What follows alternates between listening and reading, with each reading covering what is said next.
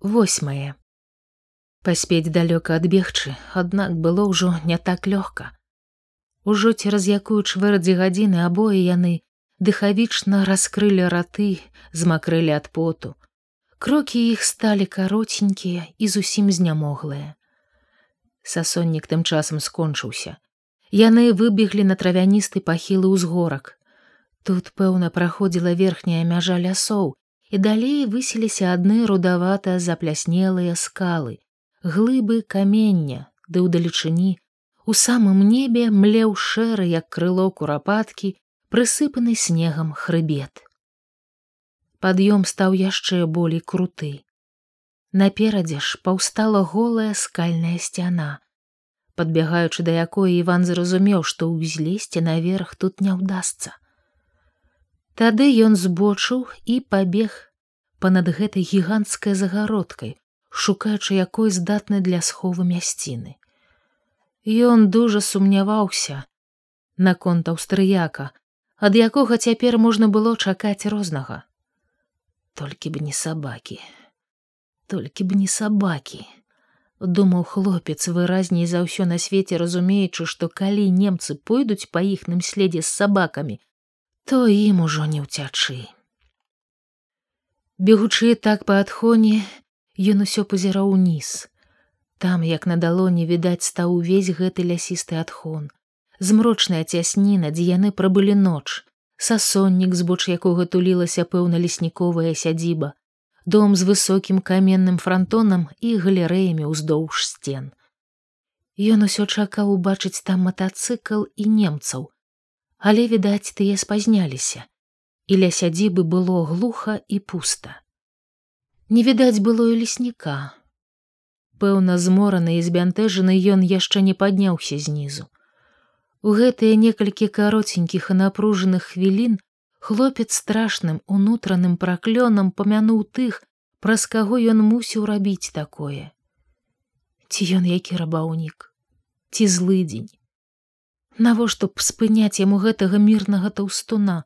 Настаўляць на яго пісталлет тым болей рабаваць. Калі б не фашызм не вайна не палон з тысячамі пакут і зняваг якія прычынілі нацысты. Яны вымусілі яго і на гэты рабунак і таму ён яшчэ болей ненавідзеў іх.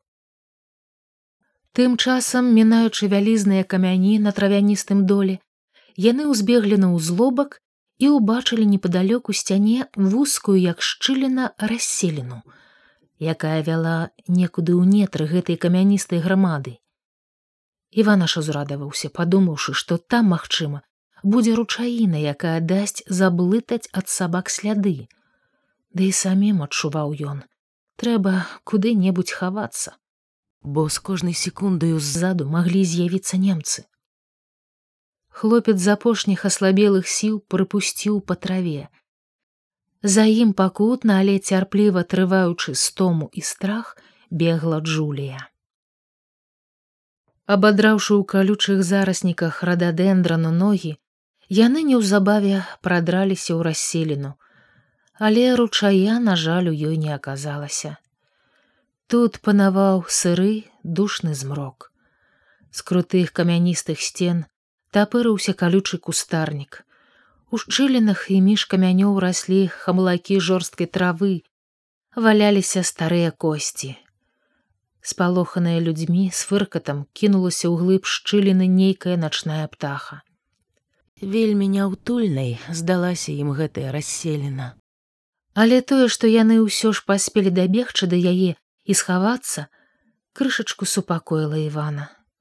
Хлопец прыпыніў бег, узлез на пахілую абамшэлую каменную пліту і прычакаў джулію.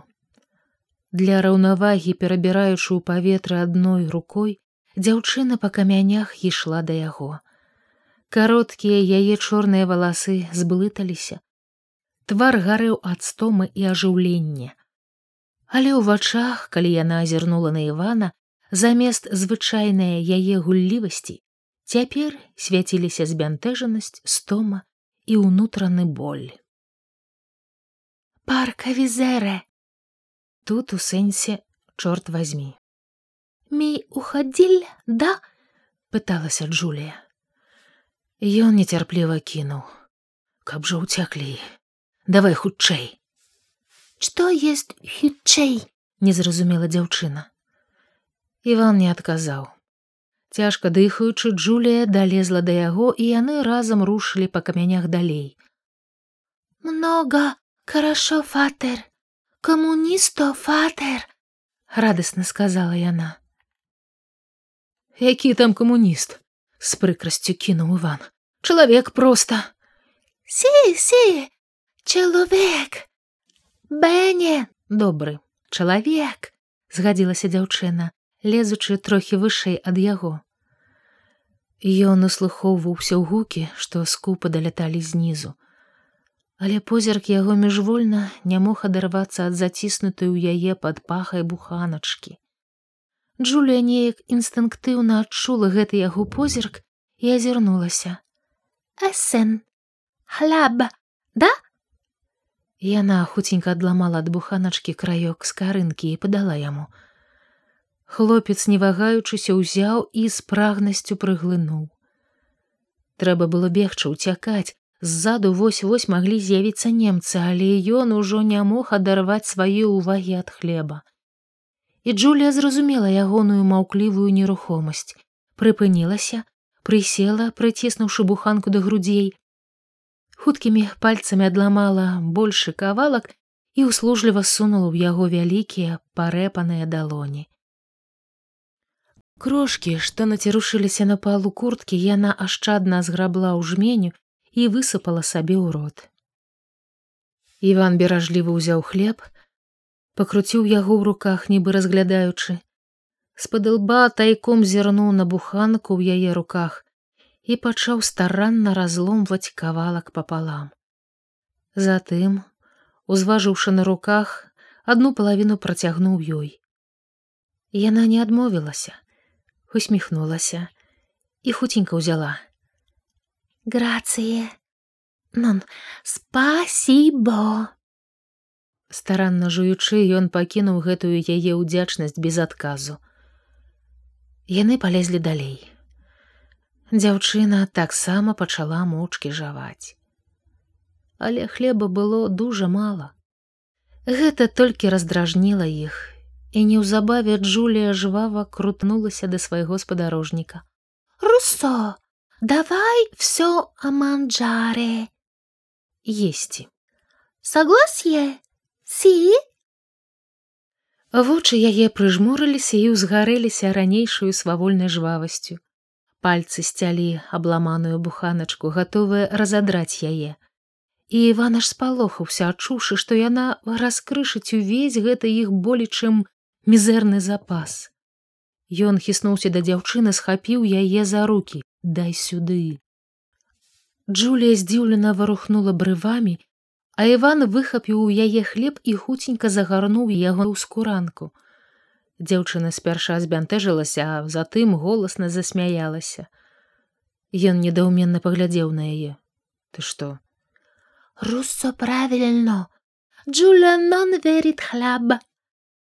Слова верит, любов верит. Хлеб нон верит Джулія. Джусто правільно руссо. Усё смеючыся вачыма, яна падышла ззаду да Івана і лёгенька кранулася далоні ягонай худой лапаткі. Адчуўшы яе нечаканую ласкавасць, ён ніякавата вырухнуў плячамі. Ладна ты, буркнуў ён і памкнуўся зігануць шырэй, але ў гэты час ззаду раскаціста грымнуў далёкі вінтовачны стрэл. Яны абое ўраз азірнуліся і застылі на камені. Унізе недзе каля сялібы пачуліся крыкі зараз жа затрашчалі шмайсеры на цяснены зугуло закалацілася рэха иван сцяўся стаіўся у гэтай раптоўнай калатнечы ён з усяе сілы ўслухоўваўся ці не пачуецца там знаёмы ненавісны брэх? Ад гэтага цяпер залежала жыццё. Але брэху быццам не было. Кулі ў расселіну не заляталі. Чэргі джгалі недзе ў баку. І гэта трошкі здзіўляла івана. З паўхвіліны ён паўслухоўваўся, пасля раптам у яго галаве мільганула здагадка. І хлопец, струхнуўшы сябе змярцвеласць, кінуў пад ногі дзяўчыне скуранку, а сам па выступах і трэшчанах у скале, хапаючыся за кустоўе таропка па лесу гору. Чэргі ўсё трашчалі, шыпелі, скыгалі ў гары кулі. У гулі страляніны данёсся далёкі трэск матацыклаў. Джулія, задраўшы галаву, напружана слухала і сачыла за іванам, які карабкаўся ўжо ледзьве не на палавіне крутой стромкай сцяны. Азірнуўшыся на выхад з расселены, ён пралез яшчэ крыху і тады, угнуўшы голаў, абмёр, убачыўшы ўдалечыні сялібу і немцаў. Джулія ўнізе відаць здагадалася, што ён бачыць. Ямчэй перахапіла скуранку, скінула клумпес і нешта крыкнула. Але ён, нібыта прыліпшы да скалы, не мог адарвацца ад незвычайнага відовішча, краёчак якога адкрыўся яму з гэтай вышыні. У рэдкім ельніку панад сядзібай круціліся ў траве тры матацыклы, кулямёты якіх таропка білі ў гору. Недзе, відаць, спрабуючы прарвацца да скал, трашчала яшчэ некалькі матацыклаў, але іх не было бачна за выступам скалы. Было толькі відавочна, што агонь і ўсю сваю ўвагу немцы скіравалі ў бок ад гэтай расселены. Імпэт іхняга агню сведчыў аб тым, што яны бачылі цэль. Тоючы ў сабе пэўную думку здагадку наконт гэтага, Іван пасунуўся крыху ў бок на скале, хаваючыся за выступ, узлез вышэй, і тады сапраўды ўбачыў тое, што канчаткова яму ўсё растлумачыла. Знізу штосьці казала Джулія, але ён не слухаў яе, учапіўшыся пальцамі ў каменны выступ, ён глядзеў, як па схіле да скальнай сцяны, шырока сігаючы галянастымі нагамі бег чалавеку паласатым.